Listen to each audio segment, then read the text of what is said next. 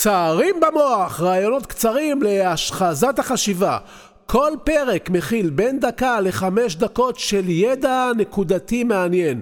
תאכינו מקום במוח, תאכינו מקום בכיס, כי אנחנו מיד מתחילים!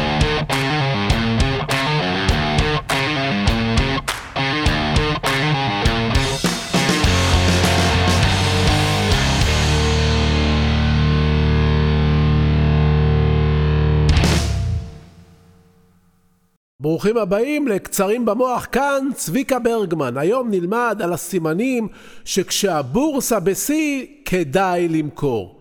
איך יודעים שהבורסה בשיא וכדאי למכור? שימו לב, אחד, כל מהדורות החדשות והעיתונים מספרים על עליות בבורסה. שתיים, שיאים היסטוריים נשברים מדי יום כבר הרבה זמן. שלוש, מחזורי המסחר עולים ועולים בכל יום.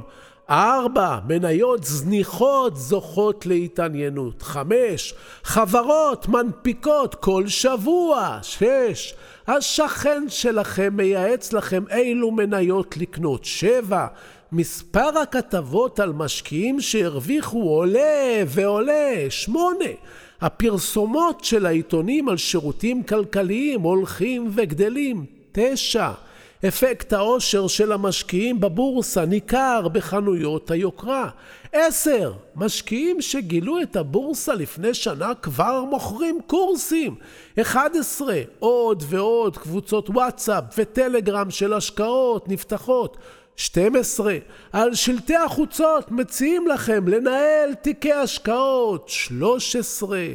קרנות נאמנות חדשות וטרנדיות יוצאות חדשות לבקרים. 14. הגיוס של הכספים באפיקים המנייתיים גדל בכל חודש. 15. קופות הגמל, הפנסיות וקרנות ההשתלמות מתגאות בתשואות טובות.